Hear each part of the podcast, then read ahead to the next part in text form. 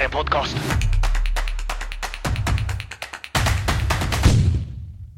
Hej och välkomna till Marknadssoffan med mig Stefan och den obeskrivligt makalösa Erika. Åh, herregud, hur ska jag någonsin kunna liksom uppnå de förväntningarna som du sätter när du introducerar mig på det här viset? Ja, men det låter ju väldigt, det låter ju väldigt snällt när jag säger det. Men Ja, det är, det jag gör är att jag lyfter ju upp dig så att jag verkar, liksom, förväntningarna på mig är mycket lägre. exakt. Det är, jag känner att ehm, du är strategisk, vet du vad? Mm. Både, Ja. både i jobbet, ja det här är ju jobbet får man väl säga ändå, göra Ja. podcasten. Jo, det är väl lite jobb, men det är ju framför allt, skulle jag säga, en möjlighet att hänga, du och jag. Det gör vi ju väldigt sällan. Jag vet. Det, vi har ju en sån struktur att vi, eh, dels är vi uppdelade i två team Mm. på, i, inom företaget. Och det är ju Precis. mer för att kunna hantera eh, olika frågor inom teamen. Eh, och sen är vi ju också uppdelade i olika kund, kundteam, kundspecifika Exakt. team. Så att jag jobbar med två konsulter på ett team och sen är jag med i ett annat team med några andra. Men du och jag delar ju inga kunder. Nej, Eh, och vi är inte i samma team på företagsnivå heller. nej. Och då gör det ju att vi, vi jobbar tillsammans, men aldrig med varandra. Mm. Vi jobbar parallellt. Exakt, på olika håll i olika universums delar. Ja. Så då är det jätteroligt att få en sån här möjlighet att bara så här, hej, hur mår du? Mm. Hur är läget? Vad händer? Och så snackar vi om saker som vi tycker väl är någorlunda relevanta till det vi håller på med, men också framförallt relevanta till det du och jag är. Exakt, allt handlar är- om oss. Det vi, vi gillar, det är det, det är det viktiga. Exakt, exakt. Det här är en podcast för dig och mig, helt Ja, enkelt. Det har vi identifierat. Precis, och vi hade ju ett uh, feed. Vi har ju, det här är ju avsnitt sex av den här podden, tror jag. Ja. Eh, och vi har ju bett om lite feedback internt Mm. På den här podden. Eh, och vi har ju bett om brutalt ärlig feedback. För någonstans får man ju säga så här att varken du eller jag har ju eh, hållit i en podcast innan. Så det här är ju Nej. väldigt nytt för oss fortfarande. Eh, och vi eh, förstår ju också att vi kommer ju bara bli mer bekväma och bättre på det över tid. Eh, Absolut. och eh, vi hade ju, vi har ju delat de första fem avsnitten internt ehm, med kollegor och, och de tyckte väl att så, ja, men det blir bättre och bättre och bättre för varje gång. Vilket är jättekul att höra. Mm. Eh, Men jag tycker, men sen fick vi lite feedback på kanske att något avsnitt eh, kändes på ett sätt och ett annat på ett annat sådär. Och, och, men jag tycker så här, vi, vi ska nog inte vara för kritiska. Vi får nog se det som att det är en utvecklingsresa, den här podcasten. Ja. Man är ju inte bäst från början. Inte, inte någon av oss är ju det. Och det är väl lite det som är charmen eh, med att ha lite erfarenhet bakom sig. Mm. Det är att när vi har förståelse att varje gång du börjar göra någonting nytt, då är det en uppstart. Och du kommer vara ganska dålig ett tag, men det blir bättre. Och så länge Mm. som du är öppen för att få feedback och ta till dig det och faktiskt göra någonting av det. Och sen så att du inte är så rädd för att misslyckas. Jag tror att det är det som är framför allt den här äh, taket för när man är ny på någonting. Eh, det är liksom det som hindrar en att verkligen utvecklas i rätt riktning. Det, det finns ju ett, ett klassiskt citat om misslyckande Mm. eh, som jag inte har faktakollat. Men, vilket, vilket man inte ska göra, man ska bara slänga Nej. ur sig grejer. Eh, nej, men eh, och det är ju eh, Thomas Edison Mm. när han uppfann glödlampan. Och att eh, han gjorde tusen försök som inte fungerade. Och då sa de att du har misslyckats tusen Aha. gånger. Och då sa han så här, jag har inte misslyckats tusen gånger med att tillverka en glödlampa. Jag har hittat tusen sätt att inte göra en glödlampa på. Ungefär. Gud. Jag vet, det, det där kände, det, nu parafraserade jag, om det är ett riktigt ord. Eh, eller något jag hittar på nu. Jag är också lite Det av en uppfinnare. Men det här är ju jätteintressant för att det det är ju just i misslyckanden, upplever jag i alla fall. Det är där man hittar utveckling. Ja, men så är det. 100 procent. Ja. Du, du kan inte bli bra på någonting utan att först göra en jäkla massa misstag. Nej, exakt. Så är det. Och hur, jag tänker på det du och jag eh, gör varje dag, eh, vilket är ju digital marknadsföring. Mm. Det är ju ingenting som är på liv och död, oftast, tack och lov. Eh, men det är ju någonting som våra kunder betalar för vår tid för. Ja. Så det, och vi, har ju, vi pratade ju om det igår, var det inte? Imposter syndrome. Mm. Där vi har en känsla av att vad vi än gör så är det här aldrig riktigt bra nog. Hur sjutton... Jag vet, vart går den där balansen av att säga så här, jo men jag, jag har erfarenhet, jag känner mig självsäker och tydlig inom det jag kan. Men om jag tittar mig runt om på LinkedIn eller runt om, jag vet inte, på eh, annonsering på YouTube så blir ju liksom det blir så tydligt att många är väldigt mycket duktigare. Mm. Så alltså, hur kan man hålla den balansen så att man känner så här, men du är bra på det du gör inom det du levererar. Att man inte blir alldeles så här konsumerad av vad andra gör. Gud, vilken uh, intressant fråga. Um, jag tror att just imposter syndrome, Mm. det tror jag att man känner i princip hur långt man än har kommit i sin karriär och hur mycket man än Ja. kan. Eh, därför att din utgångspunkt för det är alltid den nivå du är på Mhm. för tillfället. Jag menar, skulle du.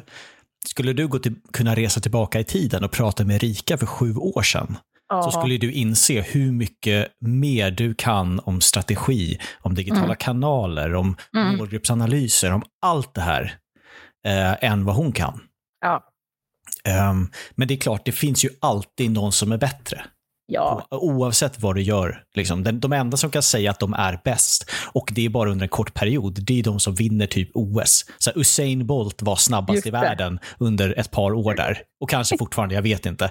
Han kan nog känna så här, ja men jag är fan bäst. Men å Ja. andra sidan, det enda vi vet är att han är bäst av alla som har deltagit i OS. Just det, det kanske finns någon snabb rackare. Som gömmer sig ställe. någonstans. Ja. Ja. Ja, men liksom så här, du kan aldrig tänka så här, det finns folk som är bättre. För att, för att ja, det är klart det gör det. Det kommer det alltid Mm. göra. Men, Mm. men om man är bäst också, vart, hur ska man utvecklas då? Ja, men jag, och jag tänker också så här... ähm,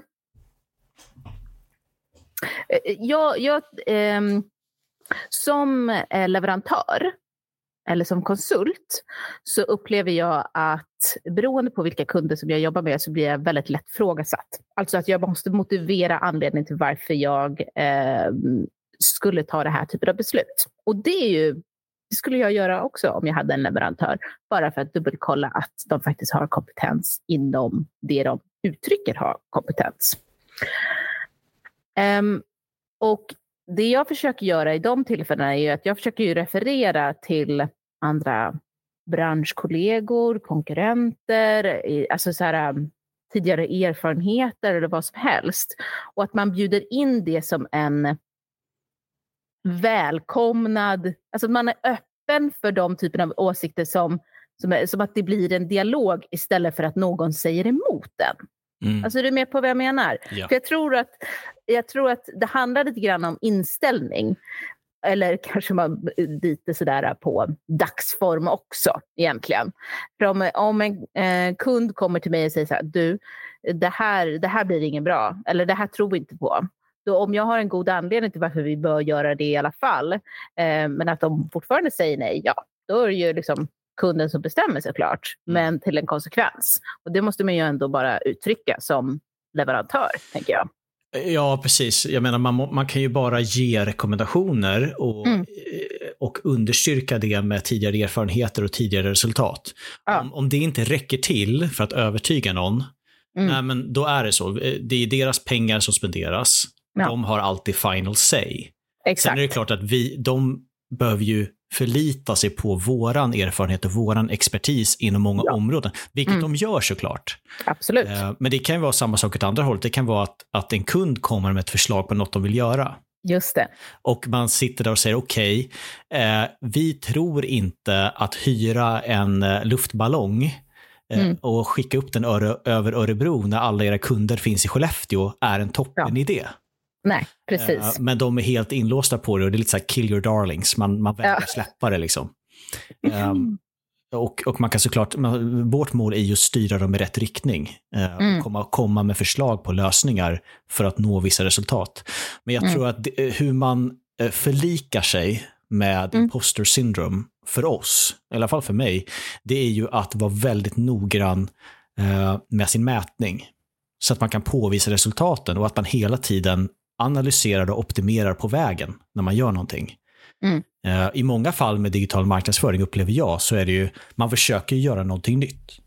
Absolut. I många fall. Antingen att, alltså det, det, är ju, det finns ju jättemånga beprövade metoder för olika saker, för att hitta kunder, för vilka budskap man ska använda sig av, eh, när man ska prata till dem om och om vad. Eh, mm. Och vi applicerar ju de här beprövade metoderna ofta, men vill man få ordentligt genomslag, då måste man trycka på nya, eller man måste prova på nya saker och nya idéer mm. och testa. Och alla kommer inte funka, utan det är lite mm. det här, kasta spaghetti på väggen och se vad som stannar kvar. Just det. Eh, och det är ju mycket det digital marknadsföring är, är ju väldigt mycket trial and error. Mm. Det är ju att hitta rätt, för varje kund är unik. Varje kund, liksom, produkt är unik och tjänst och mm. målgrupp. Mm. Och, och det går inte att säga att här är mallen för vad som kommer fungera för era, era specifika situation, utan man kan basera utgångspunkten eh, i det man ska göra på saker man har testat på andra kunder, saker man har liksom lärt sig över tid. Eh, men det finns alltid ett, eh, ett okänt element som, ja. som man bara helt enkelt behöver testa sig fram till. Och så, så fungerar det bara. Jag sitter i en situation just nu på jobbet med um, där jag har försökt att testa. Jag har försökt att um, testa väldigt mycket olika. Vi testar budskap, vi testar och försökt att leverera i den feedback av att testa olika plattformar. Um, men att det inte mottas. Mm. Och det resulterar i att jag, upp, eller jag upplever att det resulterar i att jag blir passiv. Jag förstår. Um, att jag um, tänker okej, okay, inga problem, då gör vi då gör vi inte så. Um, hur kan man, eh, har du några bra tips? Jag tänker på, jag behöver hjälp. uh, hur kan jag... Soffan. Nu kör vi. Exakt. Från en konsult till en annan. Mm. Nej, men jag, jag tänker så här, uh, hur, hur går jag då ifrån att mina idéer kommer bli bemötta med en negativ inställning? Mm. Hur går jag ifrån att bli rädd för att nekad istället för att testa, alltså bara... Blir rädd för att nekad av kunden eller av deras kunder? Eller? Eh, mera för kundens perspektiv. Att, att du kommer med förslag som de säger nej till? Ja, okay. exakt. Exakt. Och, och, det resulterar i att vi eh, testar någonting som inte funkar. Mm. Jag förstår. Så och, en grej jag brukar göra när jag känner att jag har liksom, man har gjort man har tagit all den lågt hängande frukten, men mm. börjat testa nya saker. Man känner att liksom, det, jag får inte riktigt traction på det här. Exakt. Liksom, vad är det som faktiskt funkar? En grej jag brukar göra för inspiration, det är att jag kollar eh, till den amerikanska marknaden. Jag letar upp eh, likvärdiga leverantörer som ens kund. Så jag har inget bra exempel nu, men säg att du man ska göra en läskedryck. Ja, här säg att det, ja mm. exakt. Vi ska göra en läskedryck. Mm. en, en, en kolsyrad lemonad. exakt. um, och så har vi ingen uh, aning om hur vi ska nå ut till dem. För vi har mm. provat så mycket grejer och inget funkar. Då skulle jag börja titta på läskedrycksleverantörer i USA uh, och se vad de gör, gå in och kolla på deras sociala kanaler, vilken typ av budskap får de mest reaktion på? Eh, och, och sen se, är det här någonting som mina konkurrenter i Sverige gör? Och, eh, och hur kan vi liksom utnyttja det? För att som sagt, man, ibland så är det inte, handlar det inte om att uppfinna hjulet, ibland handlar det om att titta på vad andra gör.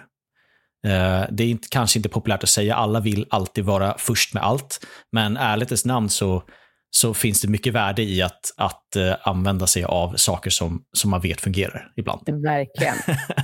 Gud, vilket bra råd. Jag blir inspirerad så, så fort du uttryckte dig. Jag tror att det är jätteklokt. Ja, och framförallt det här att titta på ett annat land, för att du vill inte titta på vad konkurrenterna i, på din marknad specifikt gör och kopiera dem, men du kan få, som sagt, inspiration från, jag vet inte, du kanske kollar på Monster i USA mm. för energidryck.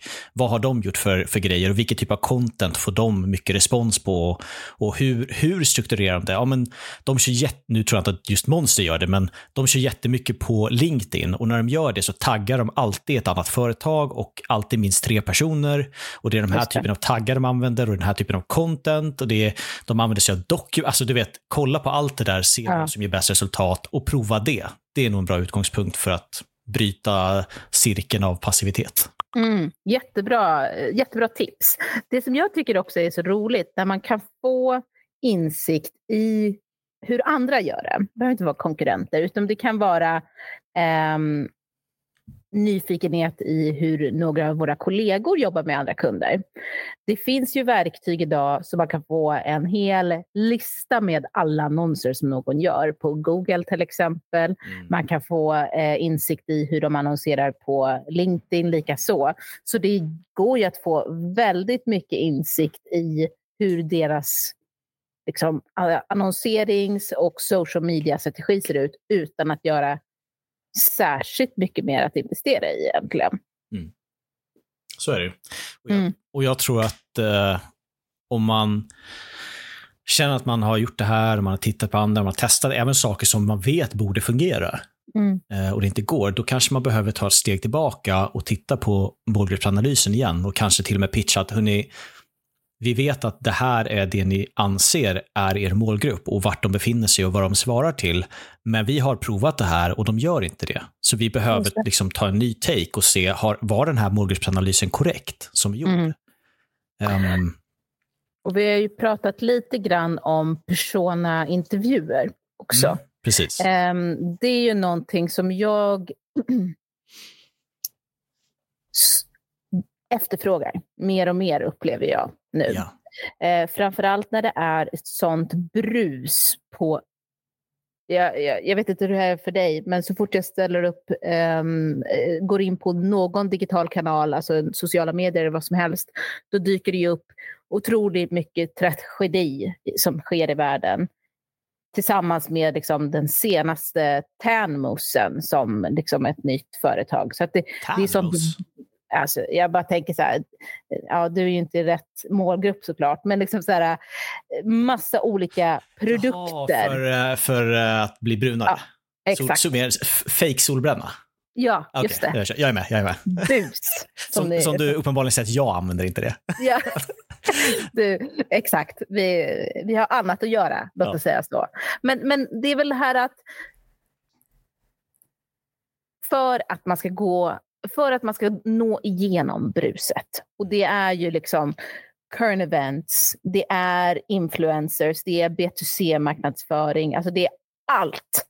För att du då sen som ett B2B-företag ska nå igenom allt det här och så säga tada, titta på oss och få någon slags liksom, eh, byte av den här eh, interaktionen, kan man väl kalla det då måste det vara riktigt bra.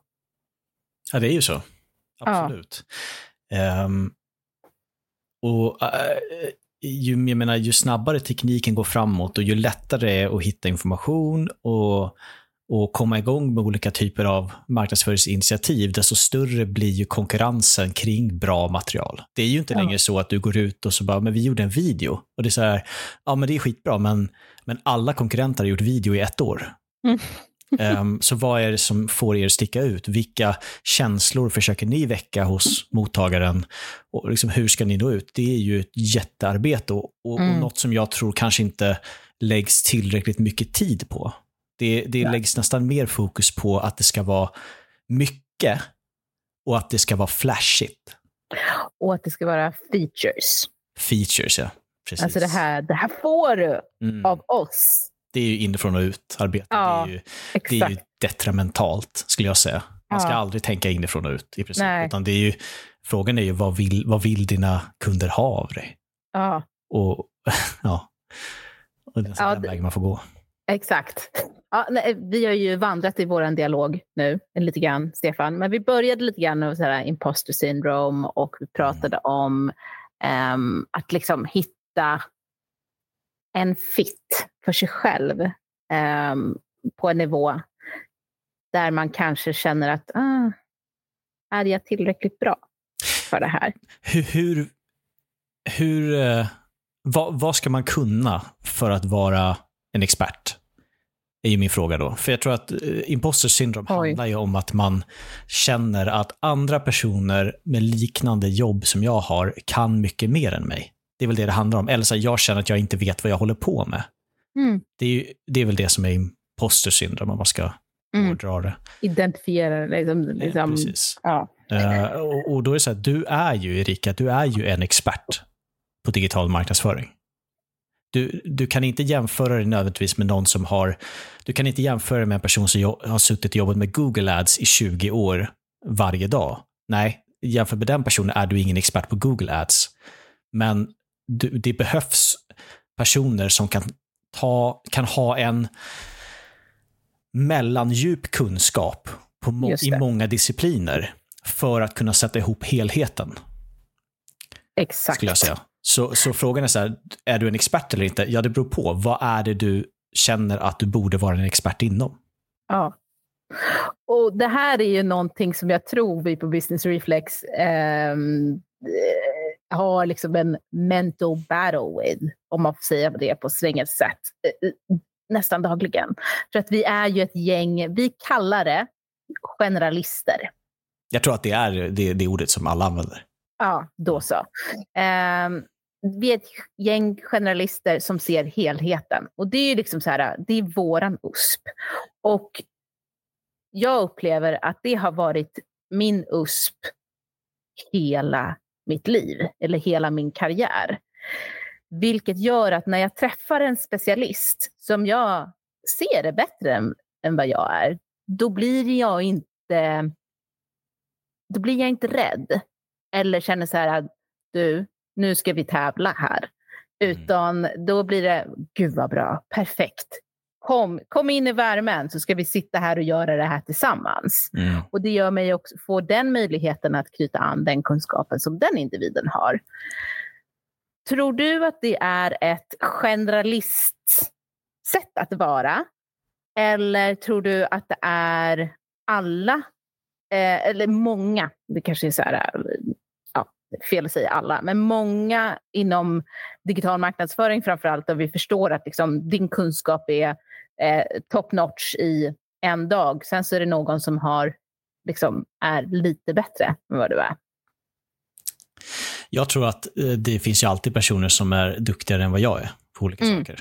Det, jag tror inte att jag är bäst på något, Nej, eh, förutom kanske ha en podcast tillsammans med dig. just det. Mm.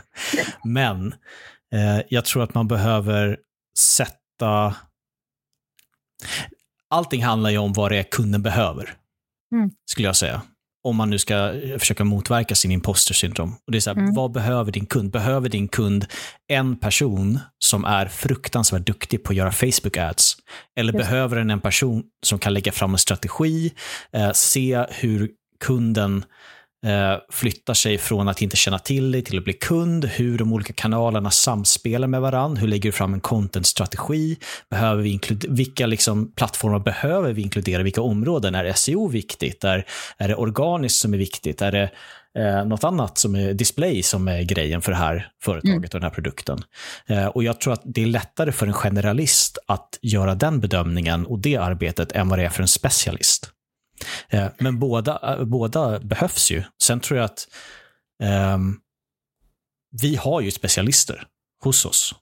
Och Mm. Business Reflex också. Både du och jag är generalister. Vilket Mm. gör oss optimala för att eh, driva en kund framåt eh, i marknadsarbetet. Men Mm. ska jag, ska vi, har vi bestämt att vi ska göra en video för en kund, ja, men då tar jag in en specialist som Martin, vår kollega Exakt. som är Mm. riktigt duktig på det och har jobbat med väldigt stora bolag på andra jobb eh, med video och produktion och sådär. Så jag känner mig inte hotad av att han är mycket, mycket, mycket, mycket, mycket bättre än mig på video. För att alla har liksom sitt värde i olika situationer. Just det. Jag tror att det handlar lite grann om en, eh, man kan ta tillbaka det till en teamsports, liksom, tänk. Smart. Av att man kan inte bara ha Erikor eller bara Stefans i ett team, eller bara någon som springer runt och gör liksom mål hela tiden med liksom forward eller vad det heter. Back.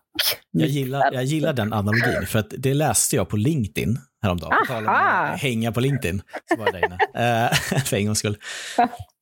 Och då var det någon som skrev det och jag minns faktiskt inte vilket företag det var. Men det var Nej. någon som skrev så här, alla pratar om eh, att man är en familj på företaget. Att det här, vårt företag blir en del av vår familj, ser man rekryteringsannonser och sådana saker. Så här, vi är en, ja, så. Men den här personen sa att vi ser oss inte som en familj, utan vi ser oss som ett team. Alltså vi ser mm. som ett, ett idrottslag. Mm. Jag, jag, vill säga att det är Netflix, men jag, jag, är inte säker på att det var det. Det kan ha varit någon helt annan. Men som du säger, det är ju ett mycket bättre sätt att se på det. Jag menar, det är ju inte så jäkla bra med ett fotbollslag som har elva målvakter på plan. Nej. Eh, och du behöver en, en, eh, en tränare liksom en, Exakt. som står vid sidan av och, och, en coach som dir ger direktiv och så här, tar fram strategier. Och sen behöver du en, en, eh, en forward som gör mål. Mm. Alla, alla behövs för olika uppgifter. Exakt. Och om man drar den analogin lite längre så är ju coachen till för att vi alla ska bli bättre också. Alltså pusha teamet. Mm. Nu ska vi bli ännu bättre. Och också att när jag ser dig göra ett mål uppe i krysset, då vill jag också göra mål uppe i krysset. Så då sporrar vi varandra att vi tillsammans blir lite, lite, lite bättre hela mm. tiden. Mm. Um, ja, det. Ett annat sätt att överkomma imposter syndrome, det är ju att eh, om man nu känner verkligen att så här, men jag, eh, jag känner mig inte som att jag är expert på någonting, men fokusera på en grej då. Och, och, för du kan vara generalist och nästan rekommenderat att om du, även om du är generalist så specialiserar du dig på, har du någon disciplin eller något område där du är liksom extra djup. Just det. Um, så det är väl det man får göra. Ja. jag säga. Sen vet jag inte liksom, hur du avgör, det är väl egentligen det som är problemet, hur avgör du hur djupt du behöver gå för att vara tillräckligt duktig på någonting? Ja, och där, där kan det vara eh, avgörande faktorer som tid och eh, intresse egentligen. Eh, om du känner att, vi tar ett exempel som SEO till exempel. Där mm. kan man ju vara hur jädrans djup som helst. Mm. Om man då eh, jobbar för ett B2B-företag eller en B2B-byrå som vi, eh, som har eh, små till medium och några stora eh, bolag. Eh, då kan det vara bra att fördjupa sig, men att man förstår att SEO går väldigt, väldigt, väldigt mycket djupare. Men jag slutar min kompetensutveckling vid det här fallet just nu. Mm. Jag tänker på liksom det här med backlinks till exempel. Alltså det är ju en hel relationsbyggande domän som man behöver liksom få in massa tanke och strategi bakom. Så är det ju verkligen. Och det, det tänker jag på nu när du sa SEO. Att det är så här, du kan ju vara expert på SEO, fast du är expert på en specifikt område inom SEO. Exakt. Du är jäkligt teknisk av dig, så du, är, du jobbar med teknisk SEO. Du är mm. fortfarande en expert. Men du kanske inte alls eh, eh, har kompetensen för att bygga relationer för att göra offsite SEO. Precis. Så bygga backlinks och samarbeten och alla de här grejerna. Mm. Så att hur långt ner du än går så kommer det vara förgreningar neråt i flera mindre, eller eh, heter det, snävare discipliner eller områden mm. eh, där någon är verkligen expert. Liksom, Precis. du än är. Ja, men jag, är jag är expert på Facebook-annonsering. Ja, Okej, okay. men mot B2B eller B2C? Ja, och vilken typ? Vilken typ? Är det? Verkligen. ja, och vilka, eh, det är det som är när man går in på Meta, det ser olika ut varje kvart. Så, äm, även om man är, känner sig specialist på en dag så kanske man är helt ny till verktyget dagen efter. Men, mm. ja. Så är det. Jag tror, jag tror snarare att man ska vara orolig om man känner att man inte har någonting mer att lära sig. Ja, Då är det ju dags att kanske hitta sig omkring, skulle jag säga. Ja. När man känner att nu har jag nått mitt tak, då, då har du troligtvis det, men du, inte det, försöker jag säga. Du har troligtvis inte nått ditt tak, men att du behöver titta efter en ny utmaning. Eller botten om vi nu pratar om djup. om, jag, om jag ska vara odräglig. You, ja, exakt. You uh, reached rock bottom. Då är det dags att um, titta dig omkring kanske. Ja, och jag tror vi kan bara säga det. Jag, de flesta personer uh, upplever imposter syndrome många dagligen. Men yeah. i princip alla gör det någon gång ibland. Uh, och det är ingenting att vara rädd för och, och, i nästan alla fall så är du tillräckligt kompetent. Du är mm. tillräckligt duktig uh, och du kommer vara duktigare om en vecka än vad du är idag. Det är ju en resa. Absolut. Och jag skulle vilja uppmana någon, alla till någonting som jag gör nästan varje dag. Spännande. Och det är att jag säger själv Sometimes you just gotta fake it till you make it. För att det handlar väldigt mycket om en attityd, om det handlar om självförtroende och det handlar om att man kan visa tydlighet och samtidigt vara ärlig med att det här vet jag inte riktigt, men vet du vad, jag ska ta reda på det och återkoppla till dig. För då har man ändå en tydlighet och transparens i eh, sin relation till kund eller kollegor. Eh, men fake it till you make it, jag tycker att det är underskattat och det får mig varje dag att känna mig lite så här, jag är i kontroll i alla fall. Mm. Och det faktum att du säger fake it till you make it eh, säger ju mig att du har inställningen att du hela tiden förbättras. Ja, exakt. För att annars kommer du aldrig till make it-delen. Nej, just det. Men jag tänker så här också, om man vill känna sig lite bättre kring sitt imposter syndrome, så gå in och kolla mm. på några av de mest framgångsrika bolagen och personer som har grundat dem och så ser du hur många grejer de gjorde, hur många misslyckade ja. bolag de hade innan de faktiskt hittade något som fungerade. Mm. Det är ju sällan det första försöket. Ja, det är en reality check. Det är ja, verkligen så bra. All, ingen är expert från början, alla blir Nej. hela tiden bättre. Mm. Om du är en expert eller inte på ett område, det är nästan upp till andras det, det, finns bara, it's in the eye of the beholder. Det är, hur an, men det är hur andra ser på det, för, för det finns ingen måttstock för att avgöra vad som gör en expert och inte. Nej, inom olika precis. Områden. precis. Så jag tycker, uh, känn dig inte ledsen och känn dig inte osäker i din roll. Uh, och kom ihåg att du kommer vara bättre om en vecka än vad du är idag. Exakt. Bra uppmuntrande avslutningsord, Stefan. Ja. Det blir bra. Tack. Men eh, tack så mycket Erika för eh, att jag fick prata med dig idag. Och, Nej men eh, detsamma. Tack till alla er som har lyssnat. Så vi hörs igen nästa vecka. Det gör vi. Ta hand om er. Ha det bra. Hej.